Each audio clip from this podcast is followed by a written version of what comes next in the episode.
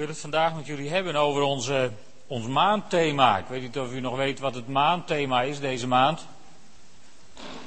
In de vorige cifra stond land innemen. Dat is een hele populaire kreet in sommige evangelische kringen.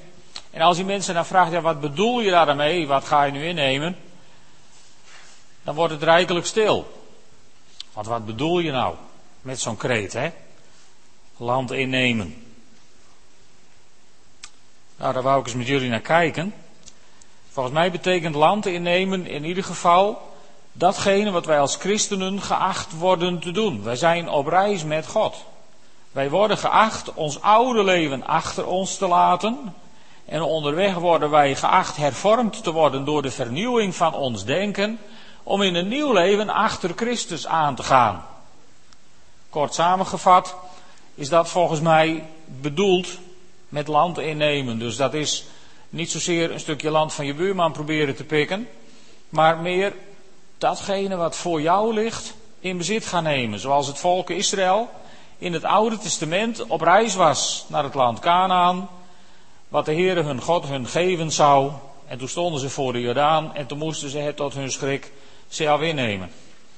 Zo werkt dat volgens mij met land innemen. God wil je dingen geven en jij moet het in bezit nemen. Laten we daar vandaag eens naar kijken. Ik stel voor dat jullie de schriftlezing thuis doen. En dan gaat het over Jozua, de hoofdstukken 1 tot en met 9. Dat gaan we nu dus niet lezen, want dan komen we met dit mooie weer helemaal niet meer in de zon. Maar ik neem jullie wel mee door dat verhaal. In de vooronderstelling dat het verhaal van het innemen van het beloofde land, zeg maar van de uittocht in Egypte door de woestijn naar het beloofde land, dat jullie dat verhaal een beetje kennen. Wat gebeurde er met het volk Israël? Toen ze het beloofde land tegemoet gingen. Laten we daar eens beginnen. Tegemoet gingen. Het begon ermee dat als je wat nieuws in bezit wilt nemen, moet je wat ouds willen achterlaten.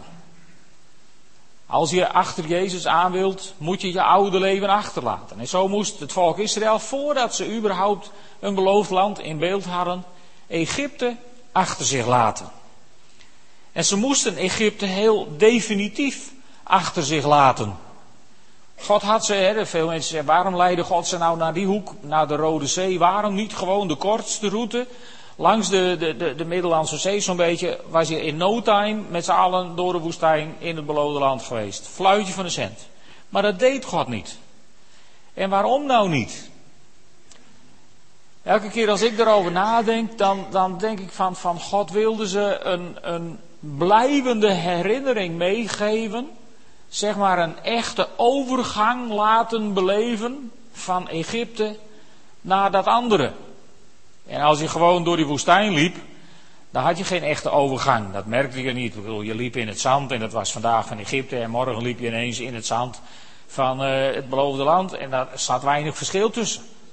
Maar nu, nu stonden ze voor die Rode Zee en nu moesten ze door het water. En God deed het water aan de kant en ze kunnen er doorheen. We kennen dat verhaal. En dan doet God het water weer dicht. En hij doet de deur, als het ware, voor altijd dicht. Zodat ze niet terug kunnen. En God zegt ze dat later ook. Er staat een hele opmerkelijke tekst in Deuteronomium 17, vers 16. Daar zegt God tegen Mozes, en dat gaat over de koning. Ze hadden nog geen koning, maar God voorzag dat het volk op een gegeven moment, en dat gebeurde later, toen zeiden ze tegen de profeet Samuel, het is leuk, al die profeten, maar wij willen een koning, zoals de andere volken. En in die tijd, God had dat al voorzien toen ze nog in de woestijn waren. En in Deuteronomium zegt God over die koning iets opmerkelijks. Hij zegt over die koning, hij mag geen paarden gaan houden. Want hij zou zijn volksgenoten naar Egypte kunnen terugsturen om voor uitbreiding van zijn stallen te zorgen, in strijd met de waarschuwing van de Heere dat we nooit meer die weg terug mogen gaan. Het is opvallend, hè? de koning mocht twee dingen niet, die heel expliciet worden genoemd, even een zijspoor. De koning mocht niet veel vrouwen hebben en geen veel paarden. En de twee dingen die Salomo had, waren veel vrouwen en veel paarden, eventjes. Om aan te geven waarom het eigenlijk wel mis moest gaan. God zei, deze weg die mag je nooit meer terugkeren. Dus als je een keer je oude leven achter je hebt gelaten en de Heer Jezus wilt gaan volgen en bent gaan volgen, dan mag je nooit meer terug. En het gaat nog verder. Je mag zelfs nooit meer terug verlangen naar het oude leven. En dat deed het volk Israël nog alles. Hè? Ik bedoel, de reis door de woestijn, die, is eigenlijk een aaneenreiging van, oh waren we maar in Egypte gebleven. De vleespotten van Egypte en dit van Egypte en dat van Egypte. En dat oude wat achter hun lag, dat was ineens helemaal volmaakt, helemaal ideaal, helemaal geweldig. Het zit ook wel een beetje in ons, hè. Die goede oude tijd noemen wij dat dan ook. Zo was het ook met hun, die goede oude tijd. En maar klagen en dan op een gegeven moment, dan hebben ze het over dat manna en dan zeggen ze, we kunnen dat spul niet meer zien, niet meer luchten. Nou, dat was een heftige belediging voor God, want dat kregen ze alle dagen door een wonder uit de hemel. God deed dagelijks een wonder om meer dan een miljoen mensen te voeden in de woestijn. Maar ze konden het niet meer luchten, ze wilden vlees. En dan zegt God in nummer 11, vers 18 tot 20, God had er kennelijk even genoeg van.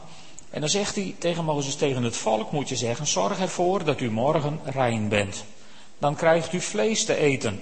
U hebt immers bij de Heere geklaagd dat u geen vlees hebt en dat u het in Egypte zo goed had. Wel nu, de Heere zal u vlees geven en vlees eten zult u. Niet zomaar één dag of twee dagen, niet vijf of tien of twintig dagen, maar een volle maand, tot het u de neus uitkomt en u er misselijk van wordt. Want u hebt de Heere die in uw midden is geminacht door erover te klagen dat u uit Egypte bent weggegaan. Nou, als je dit leest, moet het heel duidelijk worden dat als wij terug verlangen naar die goede oude tijd, dat oude leven wat we achter ons moeten laten, als we daar telkens naar terug verlangen, dat God daar op zijn zachtst gezegd niet vrolijk van wordt. Dus definitief weg uit Egypte en niet telkens achterom lopend kijken. En dan ben je uit Egypte. Dan komt het moeilijke deel. Dan moet Egypte uit ons. Dan moet Egypte uit het volk hè, in de woestijn. En zo is het ook met ons. Als we ons oude leven hebben afgelegd, dan moeten we hervormd worden door de vernieuwing van ons denken, zegt de NBG-vertaling zo mooi. En dat betekent dat Egypte uit ons moet. Hoe zag dat eruit bij het volk? Ik hou ervan om dat praktisch te maken. Nou, in Egypte hadden ze bepaald gedrag geleerd als slaven. En dat begon bij Mozes. Mozes die moest, Mozes moest zijn Egyptische mentaliteit moest die kwijt. Kijk, Mozes was opgevoed aan het Egyptische hof. Dat was handig, want hij moest later een volk in elkaar sleutelen met wetten en regels en van alles. Dus het was handig dat hij die opvoeding had gehad. Maar hij had ook de mentaliteit van Egypte gekregen. De mentaliteit van de heerser in Egypte had hij gekregen. En die mentaliteit kwam erop neer dat als iemand niet goed genoeg zijn best deed, dan ging de zweep erover. En als iemand je echt tegenstond, dan was het geen enkel probleem wanneer je als iemand van het koninklijk huis een gewone Egyptenaar doodsloeg. Want het was maar een gewone Egyptenaar. Dat deed er niet toe. Als je daar zin aan had, moest je dat gewoon doen. Want zo lagen de verhoudingen in die tijd. Egypte was bepaald geen democratie naar onze maatstaven. En dus toen, toen Mozes de Egyptenaar doodsloeg, was het ook geen probleem dat hij een Egyptenaar doodsloeg. Het was een probleem dat hij ineens partij leek te kiezen voor het volk Israël. En dat schoot bij de farao in het verkeerde keelschat. Nou, we kennen het verhaal, Mozes moest op de vlucht en die komt in de woestijn terecht bij zijn... Uh, schoonvader, aanstaande schoonvader. En daar moet hij 40 jaar op de schapen passen. Nou, als je als koninklijk opgeleid iemand, vorstelijk getraind, 40 jaar achter de schapen moet, dan heb je twee opties. Je wordt gek of je wordt nederig. En met Mozes gebeurde het laatste, want toen God hem liep, was hij heel nederig geworden. Toen zei hij, ja, dat kan ik niet. Heer, zoek maar een ander. Dat is niks voor mij. En Mozes was een ander mens geworden. En een heel eind verder zien we deze Mozes, deze man die, die toch op ons overkomt als een opvliegend iemand die erop sloeg als het hem niet aanstond. Die Mozes vinden we bij God in Exodus 32, vers 32. Het volk heeft zwaar gezondigd en God heeft gezegd: ga maar even aan de kant, want ik ruim dit hele spul op en ik begin met jou opnieuw, zegt hij tegen Mozes. En wat zegt Mozes dan? Dan zegt Mozes: schenk hun vergeving voor die zonde. Wilt u dat niet? Schrap mij dan maar uit het boek dat u hebt geschreven. Mooi hè? Mooi hè? Maar we weten dat de Heer Jezus zijn leven voor ons gaf en een enorme prijs voor ons betaalde. Maar dat een gewoon mens, Mozes, zo voor de Heer staat en zegt: Heer, vergeef het hun en schrap anders mijn naam maar uit uw boek. Dan, dan, dan zijn dat twee dingen. Ten eerste een prachtige typologie van wat de Heer Jezus later voor ons doet. Dat is een prachtig beeld wat Mozes hier laat zien in het Oude Testament. Maar aan de andere kant is het ook een voorbeeld voor ons om, om niet alleen maar te kijken van, oh wat geweldig wat Christus voor ons deed, maar om ons ook bewust te zijn dat dat een mentaliteit is die Christus in ons verwacht. Als wij vervuld zijn met de Heilige Geest, volgende week is het Pinkster, dan zullen we daarbij stilstaan. Als wij vervuld zijn met de Heilige Geest, dan moet in ons de vrucht van de Geest zichtbaar worden. Als in iemand de vrucht van de Geest zichtbaar werd, dan was het hier wel in Mozes. Mozes had zijn oude Egyptische dictatoriale gedrag, zijn despotisme, wat hij bij de farao had geleerd, dat was er helemaal uit. Er was niets van over. Er was een hele nieuwe Mozes. Maar ja, dat moest ook bij het volk. En dat volk had, had, 40, of dat had 400 jaar lang in Egypte in slavernij geleefd. 400 jaar lang en het was steeds erger geworden. En van generatie op generatie op generatie waren ze mentaal gedegenereerd, zou je zeggen. Door omstandigheden. En ze hadden, ze, ze hadden verleerd om te hopen. Ze hadden verleerd om over de omstandigheden heen te kijken naar de mogelijkheden die er zijn. Hoe kom ik daarbij? Nou, in nummer 13, zijn we weer een eindje verder. In nummer 13 staat het volk voor de eerste keer voor het beloofde land. En dan sturen ze twaalf verspieders ook. Dat verhaal kennen jullie waarschijnlijk wel. Ze sturen twaalf verspieders uit in het land en die bekijken het land en die komen terug met een druiventos die je met twee mensen moest sjouwen en nog meer lekker spul. En die zeggen, het is een geweldig land, een geweldig land. Een prachtig land, komma, maar. Waar gaat het bij ons altijd mis? Waar gaat het bij ons mis als wij land moeten innemen in ons eigen leven, als we weer een stap verder willen in onze ontwikkeling? Waar gaat het mis? Gaat het bij ons niet altijd mis achter de komma? Zodra we zeggen, ja, prachtig, maar, maar, daar gaat het mis. En zo ging het ook hier. En, en dan, dan is er toch één, of twee eigenlijk, Jozua en Caleb. Er zijn twee mannen die hebben geleerd om over de onmogelijkheden heen te kijken naar de mogelijkheden. In nummer 13 vinden we dat. En dan staat er in vers 30, Caleb, die wilde voorkomen dat het volk zich tegen Mozes zou verzetten, zei, we kunnen zonder problemen optrekken en het land in bezit nemen. Wij kunnen dat volk makkelijk aan. Maar de mannen die met hem meegeweest waren zeiden, wij kunnen dat volk niet aanvallen. Het is te sterk voor ons. Wat is hier nou aan de hand? Ik bedoel, wie moet er nu naar Hans anders op een andere bril? Jozua en Caleb of die andere tien. Ze zijn allemaal in hetzelfde land geweest. Maar ze hebben met twee verschillende brillen op, hebben ze naar het land gekeken. Die tien, die hebben door hun slavenbril naar het land gekeken. Vanuit de, de, positie van de underdog. van wij, a poor little me, ik ben altijd het slachtoffer, wij kunnen dat niet. En allemaal van dat soort denken, wat zo vaak in ons mensen ook de kop opsteekt. En, en met die bril hebben ze naar het land gekeken. En dan staat er in de Bijbel dat ze hebben daar reuzen gezien, hele grote mensen. En, en wat zeggen ze dan? Wij waren als sprinkhanen in hun ogen.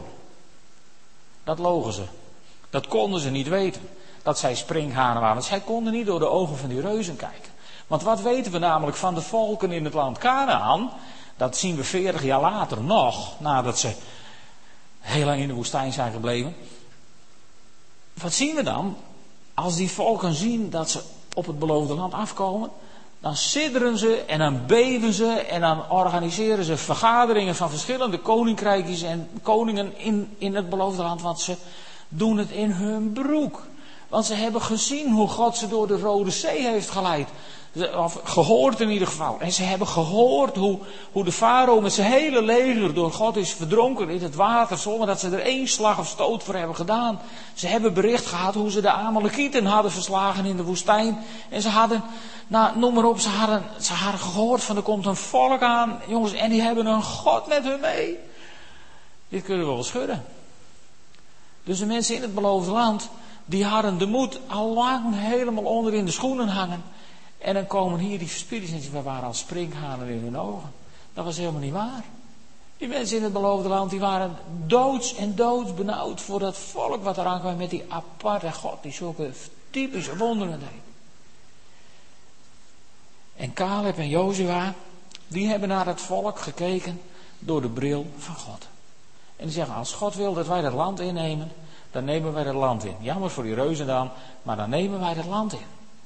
Zij hadden geleerd om door Gods ogen naar de goddelijke mogelijkheden te kijken die ze hadden gekregen. En wat weten we van Caleb? Caleb is, is een van mijn grote helden uit het Oude Testament. Ik vind Caleb een heel bijzonder figuur. Ik bewonder hem hierom. Ik bewonder hem erom dat hij, komt uit de stam Juda. Hè, de Juda staat voor lofprijs. Hij komt uit de stam die, die als naam draagt dat je God moet loven en prijzen. Nou, dat vind ik dan al mooi aan Caleb. Maar wat ik het mooiste vind aan Caleb is, is, is zijn, zijn houding. Weet je wat? Na dit debakel worden ze door God veroordeeld om 40 jaar lang in de woestijn rondjes te lopen tot ze allemaal dood zijn. Hè? Dat tot de volgende generaties het over kunnen nemen. En dat betekent dat Jozua en Caleb volstrekt buiten hun schuld 40 jaar door de woestijn moeten zeulen. Terwijl ze het beloofde land met eigen ogen hebben gezien. Ze waren erin geweest en het ging over en het lag absoluut niet aan hen. En je vindt in de, in de hele Bijbel, in, in dat hele stuk, vind je geen wanklank over de lippen van Jozua en Caleb. Je hoort geen verkeerd woord van ze. En dan zijn ze uiteindelijk 40 jaar later door de woestijn getrokken en dan zijn ze in het beloofde land. En dan komt Caleb bij Jozua en Caleb die tikt Jozua op het schouder en zegt, Jozua moet je eens luisteren. God heeft mij een stukje land beloofd. Land innemen. En dan zegt hij, ik ben nu 85. En er is daar nog één stukje land. Daar zitten nog een paar reuzen. Doe mij dat maar. En dat vind ik nou zo mooi aan Caleb. Weet je, zo hoop ik 85 te worden minstens. Met zo'n mentaliteit, met zo'n spirit. Want Caleb had ook kunnen zeggen bij Jozua van Jozua, ik heb inmiddels een rollatortje en ik ben al 85 en ik heb wel een stukje land van de Heer beloofd gekregen. Maar heb je niet voor mij ergens een makkelijk stukje vlak land zonder verdiepingen en zo, zodat ik beneden kan slapen? Dat was logisch geweest als hij 85 was. Maar Caleb die zei, nee, doe mij dat bergland maar, want daar zitten nog een paar reuzen. En die zijn van mij. Geweldig, hè? Het is maar net door welke bril kijk je naar het leven. Misschien, misschien moet u dat zichzelf ook eens even afvragen. Even een moment zo. Door welke bril kijk je naar het leven? Wat ben je gewend te zien? Mogelijkheden of onmogelijkheden? Nog sterker, wat ben je gewend te zien? Gods kansen of de bedreigingen van de duisternis op Gods kansen? Waar ligt je focus? Waar heb je op scherp gesteld? Het lijkt een beetje op bijsluiters hè, bij medicijnen. Waar let je op? Ben je gefocust op datgene wat dat medicijn voor jou gaat doen in je genezingsproces? Of heb je de bijsluiter gelezen en krijg je vervolgens in de goede volgorde allebei verschijnselen? Wat wil je? Waar ligt je focus? Welke bril heb je op in het leven? Die van Caleb? Of die van die andere tien verspieders? Hoe kijk je naar het leven? Ook dat was een stukje Egypte wat eruit moet als je land wilt innemen. Er is nog zo'n mentaliteitskwestie die eruit moet als je land wilt innemen. En die heb ik genoemd dat we niet te gauw tevreden moeten zijn. Weet je, soms, soms, soms zijn er mensen ziek en die laten dan één keer voor zich bidden. En dan, zei, dan ben je niet beter. En dan laat je niet weer voor je bidden. Want nou, nee, je hebt één keer voor me laten bidden. Nee, het is wel goed zo. En soms, soms heb je zelf ook de neiging. Dan heb je voor iemand gebeden en je ziet, je ziet niet resultaat. En dan komen die aanvallen op je denken. Hè? Wordt hervormd door de vernieuwing van je denken. Nou, God heeft dat niet voor niks gezegd, want dan komt dat in je op. Van ja, ja ik heb ervoor gebeden en het wil niet, of God wil niet, zeggen we dan soms. Hè? Dan moet toch eigenlijk ook iemand de schuld nog hebben. Maar, maar hoe zit het in ons denken? Hoe gauw zijn we tevreden? Ook daarvan staat een prachtig voorbeeld in dit verhaal van het volk wat uit Egypte naar het beloofde land moet. We lezen in nummer 32, de Rubenieten en de Gadieten bezaten zeer veel vee. Toen ze zagen dat het gebied van Jazer en Gilead bij uitstek geschikt was om er vee te houden, gingen ze naar Mozes en de priester Eleazar en de leiders van de gemeenschap en zeiden, dit gebied, met al die namen erachter, dat de Heere voor het volk van Israël veroverd heeft, dit gebied is zeer geschikt voor vee. En wij hebben veel vee. En ze vervolgden, wees zo goed uw dienaren dit gebied in bezit te geven. Laat ons niet over de Jordaan oversteken. En zo ontstond wat we kennen uit het Oude Testament als het overjordaanse. Daar woonden anderhalve stam van het volk Israël, woonden over de Jordaan. En waarom? Omdat ze zeiden tegen, tegen Mozes van, Mozes moet je luisteren, het gras is aan deze kant eigenlijk veel groener dan aan de overkant. Het is hier ook goed. Laat maar. Laat ons hier maar blijven. Ze hielpen weliswaar mee om het beloofde land te veroveren voor die anderen. Maar toen gingen ze heel rap terug naar hun eigen heerlijke grazige weiden aan de verkeerde kant van de Jordaan. En als je later leest, als het volk in moeilijkheden komt, is het eerste gebied wat ze kwijt zijn, het gebied aan de overkant van de Jordaan. Want ze waren niet in het beloofde land. Ze lieten beloftes van God liggen zonder ze te veroveren, omdat ze het eigenlijk, zoals het was in de status quo, wel mooi genoeg vonden. Hoe zit dat in, in uw leven? Ben je goud, vrede? Dat is goed, maar ik hou van christenen die zo'n soort heilige ontevredenheid in zich hebben. En denken, het is goed, het is fijn, het is prachtig om gered te zijn en behouden te zijn. Maar er moet toch meer te beleven zijn. er moet toch meer te beleven zijn met God.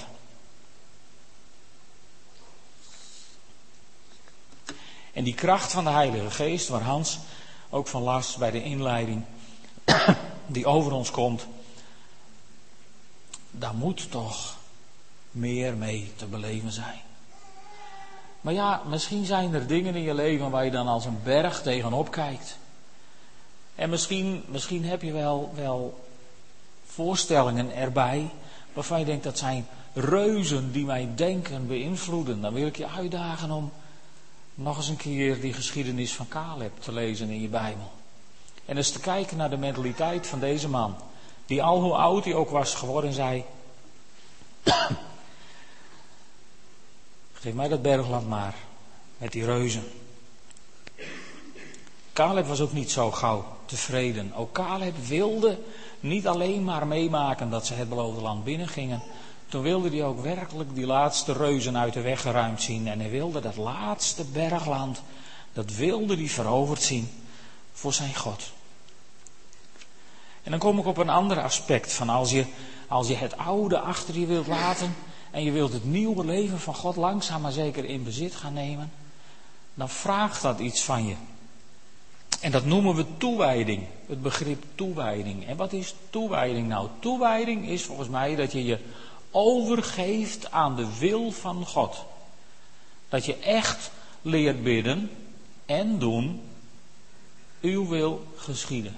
Uw koninkrijk komen. Dat we, dat we vanuit Gods perspectief leren te gehoorzamen en durven te doen wat God van ons vraagt. Komen we dat ook tegen? Ja, dat komen we ook tegen. En dat komen we tegen net nadat ze door de Jordaan zijn getrokken. Dan ben je door de Jordaan op een wonderlijke wijze en dan ben je in het beloofde land. En dan zul het heven, hè? dan zeg je, het giert om. Nu gaan we het beloofde land veroveren. Dan komt er een engel des Heren op Jozua's weg. En meestal als de Bijbel het in het Oude Testament heeft over de engel, de engel des Heren, dan is dat Jezus Christus die in een engelengedaante verschijnt. En zo verschijnt hij aan Jozua. En hij zegt, Jozua, prachtig, we zijn in het beloofde land. En nu ga je de boel veroveren, maar er is één kleinigheidje. Daar moet ik het even met je over hebben. Soms kan God dat zijn hè, in je leven. Soms kan hij, kan hij je duidelijk maken in je geest. Van ja, er is toch nog iets wat je op moet lossen voordat, voordat je verder kunt met God. En wat wil God dan opgelost hebben? Nou, het is eigenlijk niet zo logisch wat God van hem wil. Ja, God is niet altijd logisch. Dus daar moeten we dan maar aan wennen. Want wat wil God? God wil dat Jozua alle mannen gaat besnijden. Want dat hadden ze in de woestijn kennelijk niet gedaan. Hè? Dus die hele generatie die er in het beloofde land was, die moest besneden worden. Vrouwen hebben daar geen verstand van. Maar als je als man besneden wordt, volgens mij, dat is niet slim als je drie dagen later over de muren van Jericho moet klimmen. Dat is een complicerende factor. Maar God wil dat ze besneden worden. En je ziet, wat zie je bij Jozua? Je ziet, Jozua argumenteert niet met God. Jozua zegt niet, heren dat kan niet, dat past nu niet, dat doen we later wel een keer. Jozua zegt, u wil geschieden. En alle mannen worden besneden. Toewijding, kiezen voor de wil van God, gehoorzaam zijn. Toewijding is volgens mij ten diepste gewoon gehoorzaamheid aan God. Soms heb je het er wel eens over als je, als je naar, naar, naar mensenlevens kijkt die, die, ja, die niet lijken te groeien. Hè? En dan denk ik, ja, in hoeverre, in hoeverre zijn wij allemaal volledig toegewijd aan God? Dat is een erg confronterende vraag, misschien wel, maar dan stel ik hem ook maar aan mezelf dan. Is toewijding volledige 100% toewijding aan God? Als je nou naar je eigen leven kijkt. En kijkt naar de keuzes die je maakt. Naar de dingen die je doet. Is het dan volledige toewijding aan de Heer in uw leven? En in mijn leven? Of zijn er nog bergen met reuzen die je, die eigenlijk nog niet hebt veroverd voor de Heer? Valt er nog land in te nemen op dat gebied? In hoeverre is er toewijding in jouw leven? Een woord wat hier niet zoveel valt, omdat ik het niet zo heel veel gebruik, is, is het woord wedergeboorte. Wat betekent wedergeboren worden? Wedergeboren worden betekent dat je je oude leven achterlaat en dat je door je, je intieme ontmoeting met de Heilige Geest opnieuw geboren wordt in een nieuw leven. Ik weet niet hoe het u gaat. Ik ben soms wel eens jaloers als je dan een getuigenis ziet van iemand die diep in de zonde heeft gezeten en radicaal tot bekering is gekomen en ineens helemaal in het licht leeft. Denk, wat een geweldige, geweldige ervaring moet dat zijn. Maar ja, ik ben per ongeluk christelijk geboren, daar kon ik ook niks aan doen. En heel veel mensen van jullie zijn misschien ook wel christelijk geboren, omdat je vader en moeder geloofden en je in het geloof hebben opgevoed. En hoe moet het dan? Hè? Dan heb je niet die spectaculaire ervaring, maar het gaat ook niet om spektakel. Het gaat ook niet om die ervaring. Waar het om gaat is dat je toch volgens mij een, een, een moment of een, of een periode, een fase in je leven kunt aanwijzen waarin je zegt van, van tot die tijd geloofde ik het wel, omdat mijn ouders het zeiden en omdat de zonneschool het leren en omdat, nou, noem het maar op. Tot die tijd geloofde ik dat wel, maar op een gegeven punt in mijn leven heb ik ervoor gekozen om de Heer Jezus persoonlijk te willen volgen.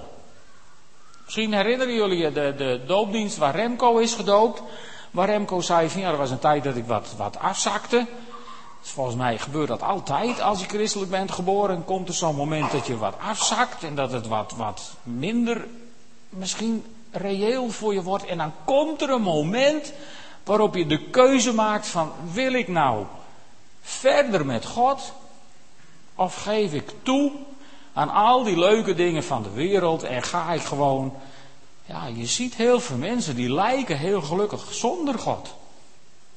Die hebben we waarschijnlijk allemaal vlak in de buurt wonen en zo. Dus er komt volgens mij in, ieder, in, in jouw leven is er zo'n fase geweest waarop je gekozen hebt, heel bewust gekozen hebt van ik wil de rest van mijn leven verder met Jezus.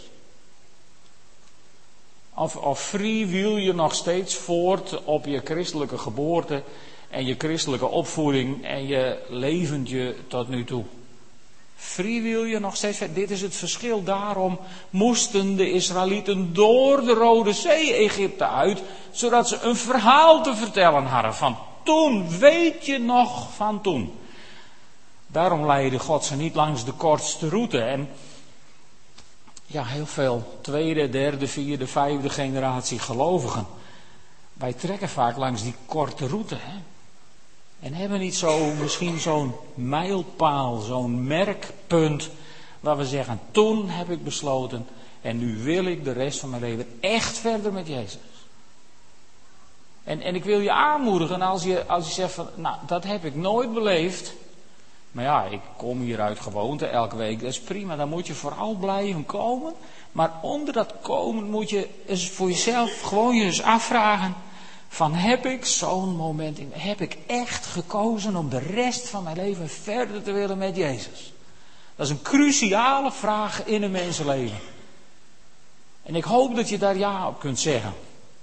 En het resultaat daarvan zou eigenlijk moeten zijn dat je ook, ook gedoopt zou willen worden.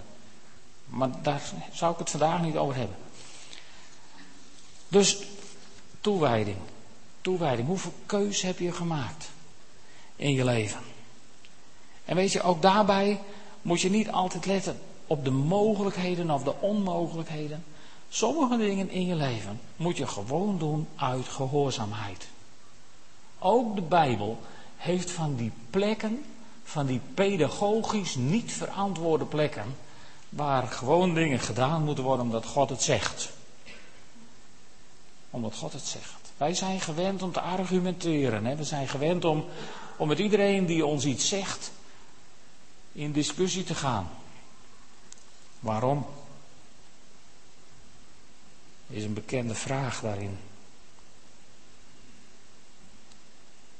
Dat had Jozef ook kunnen doen.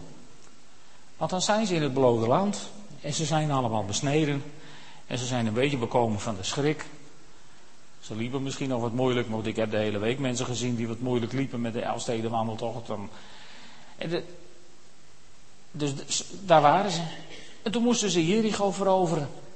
En dan, uh, ja, dan komt God met zo'n oplossing die nergens op slaat. Laten we eerlijk zijn, hè? God, God komt soms met oplossingen in de mensenleven die nergens op slaan. Misschien hebben jullie daar nooit last van, maar God zei tegen Jozua van weet je wat, je loopt alle dagen één rondje om Jericho. En op de zevende dag, maar ja, dat helemaal niet werken, maar ja, goed, dan loop je zeven rondjes om Jericho. Nou, strategisch sloeg dat helemaal nergens op. En de mensen in Jericho, die hebben zich zes dagen een breuk gelachen. En op de zevende dag vergingen hun het lachen, want toen greep God in. En toen kregen ze de stad als het ware cadeau. Als het ware zomaar, gratis. Ze konden nog niet zo goed klimmen, een paar dagen na de besnijdenis. En ze, waren misschien nog niet zo vlot, maar het hoefde ook niet. Want God legde de muren gewoon plat, zodat ze er zomaar overheen konden lopen. Dat is, kijk, dat is de voorzienigheid die God heeft voor zijn mensen. Als je gehoorzaam bent in je toewijding aan God, en je bent gehoorzaam in de methodes die God je aanreikt, dan zul je zien dat je de zegen krijgt die God je heeft beloofd. Moeilijker is land innemen dus eigenlijk niet. Hè? Je moet gewoon doen wat God zegt. En doen wat God wil. En dan zul je krijgen wat God heeft beloofd. En dan is, is, is er nog één, twee dingetjes die, die je in de weg kunnen staan. Om te beginnen moet je geen zonde toelaten meer tussen jou en God. Als je het verhaal in Jozua kent, dan is na Jericho het volgende stadje heet Ai. En dat is maar een heel klein stadje, dus sturen ze een paar mensen op af. Zo van, nou dat kunstje, dat doen we wel even. En dan verliezen ze de slag. En dan, dan jammeren ze wat af en dan mekkeren ze wat af. En eigenlijk krijgt God weer de schuld. Tot God Jozua duidelijk maakt van er is zonde in het kamp. Want iemand heeft wat gestolen uit dat wat God was toegewijd. En die zonde moet worden opgeruimd. Zonde zal ook in, in, in uw relatie met God, zonde zal een blokkade zijn in je relatie met God. Leuker kunnen we het niet maken. Maar die zonde, die moet je opruimen. En naast die zonde kan er nog een ding zijn, wat je relatie met God ongelooflijk in de weg kan staan, en dat zijn verkeerde bindingen. Zei Jezus niet, wie vader en moeder lief heeft boven mij, kan mijn discipel niet zijn? Herinner je dat uit het Nieuwe Testament? Verkeerde bindingen, zelfs aan je vader en je moeder, zelfs aan je partner, zelfs aan je bezittingen, noem het maar op. Verkeerde bindingen zullen staan tussen jou en God. Was er dan ook nog een verkeerde binding in het verhaal van Jozua? Ja, want op een dag kwamen de mensen uit Gibeon en die hadden zich wat vermomd. Hè, en die, ze, ze, ja, ze, haalden een kunstje uit met Jozua. En dan denk je, ja, ja, maar ja, als mensen nou niet eerlijk tegen je zijn, als mensen je belazeren wat hier gebeurde, daar kun je toch niks aan doen? Jawel. Want wat staat er namelijk in het verhaal over de Gibeonieten? Er staat een zinnetje, en dat is een heel bijzonder zinnetje in de Bijbel. Dat is een zinnetje, dat zou je eigenlijk gewoon helemaal moeten highlighten in je Bijbel, uitvergroten. Misschien zou je het wel op een papier moeten schrijven, om het niet te vergeten. Er staat, er staat een heel cruciaal zinnetje in dit verhaal. Want wat deden ze met de Gibeonieten? Er staat in de Bijbel, ze sloten een verbond met de Gibeonieten en zij raadpleegden de Heere niet. Je moet voor aardigheid het verhaal maar eens lezen. En dan hoop ik dat je opvalt dat dat er zo maar tussen staat. En zij raadpleegden de Heere niet. Wanneer gaat het mis in een mensenleven? In een christenleven? Wanneer gaat het mis? Als je cruciale beslissingen neemt zonder de Heere te raadplegen. Dat gaat niet. Dan kom je in verkeerde bindingen terecht, want de Satan is erop uit om je, om je zo vast te leggen dat je niet tot dat doel kunt komen wat God voor je heeft. En als die verkeerde bindingen er zijn in je leven, dan moet je dat oplossen. Dan moet je daar wat mee doen. Zodat je helemaal je oude leven achter je kunt laten. Hervormd wordt in de vernieuwing van je denken. En als een nieuw weldenkend mens in een nieuw leven met Jezus door deze wereld gaat.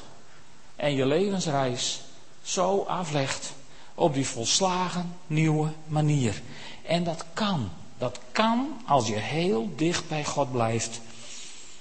En waar is dan heel dicht bij God? Waarom is dat belangrijk? Nou, ik zal jullie nog één tekst geven uit dit oude geheel. In Deuteronomium 12, vers 5 staat: u mag u daarvoor alleen naar de plaats begeven die hij in een van uw stamgebieden zal kiezen, om er zijn naam te laten wonen.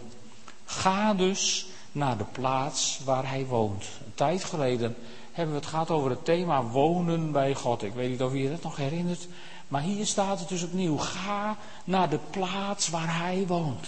Daar moet je zijn. Daar moet je je heil zoeken. Op de plaats waar hij woont. En dan zeg je, en waar is die plaats dan? Waar is die plaats? Waar moeten we heen? Help, waar moeten we heen? Johannes 4, vers 21. En misschien wel de sleuteltekst van vanmorgen. Geloof me, zei Jezus, er komt een tijd dat jullie nog op deze berg, nog in Jeruzalem, de Vader zullen aanbidden. Ja, maar waar dan? Waar dan? Heel simpel 1 Korinthe 6, vers 19 en 20. En die lees ik jullie voor uit de gereviseerde statenvertaling. Daar vind ik hem zo prachtig staan. Daar staat, al weet u niet dat uw lichaam een tempel is van de Heilige Geest. Die in u is en die u van God hebt. En dat u niet van uzelf bent. U bent immers duur gekocht. Verheerlijk daarom God in uw lichaam en in uw geest die van God zijn. Dat vind ik nou zo mooi. De, de gereviseerde statenvertaling valt terug op een iets ander manuscript dan de nieuwere Bijbelvertalingen. En dan, dan vind je terug dat er staat: verheerlijk God in uw lichaam en in uw geest. Dus het is, het is somatisch en pneumatisch. Het is lichaam en geest. God dienen is niet alleen maar een geestelijke aangelegenheid. Dat is wel een belangrijk aspect. Maar God dienen is ook een fysieke aangelegenheid. God dienen met je lichaam, met je handen, met je voeten, met je mond, met je stembanden. Met whatever waar jij maar talenten hebt gekregen om God mee te dienen. God dienen is een zaak van lichaam en geest. Met je lichaam en met je geest. God eren en God aanbidden. Daarom noemt Jezus het ook in waarheid en in geest. Zichtbaar en onzichtbaar. Lichamelijk en geestelijk. God dien je op twee sporen. God kun je niet op één spoor dienen. En waar dat spoor heen loopt, dat spoor dat loopt naar boven. Dat spoor dat loopt naar de Heer Jezus. Zittende ter rechterhand Gods, van waar Hij komen zal om te oordelen de levenden en de doden. En weet je, daar moet je zijn. Als je wilt worden als Caleb, ziende op mogelijkheden in plaats van onmogelijkheden, dan moet je blik gericht zijn op Jezus. En dan moet je eerst datgene zoeken wat van Jezus is, wat van God is. Of zoals het in Matthäus 6, vers 33 staat, zoek eerst het koninkrijk van God en zijn gerechtigheid. Dan zullen al die andere dingen je erbij gegeven worden. Met andere woorden, als wij land willen innemen, dan moeten wij niet het land van God proberen in te nemen, maar dan moeten wij de God van het land voor ons winnen.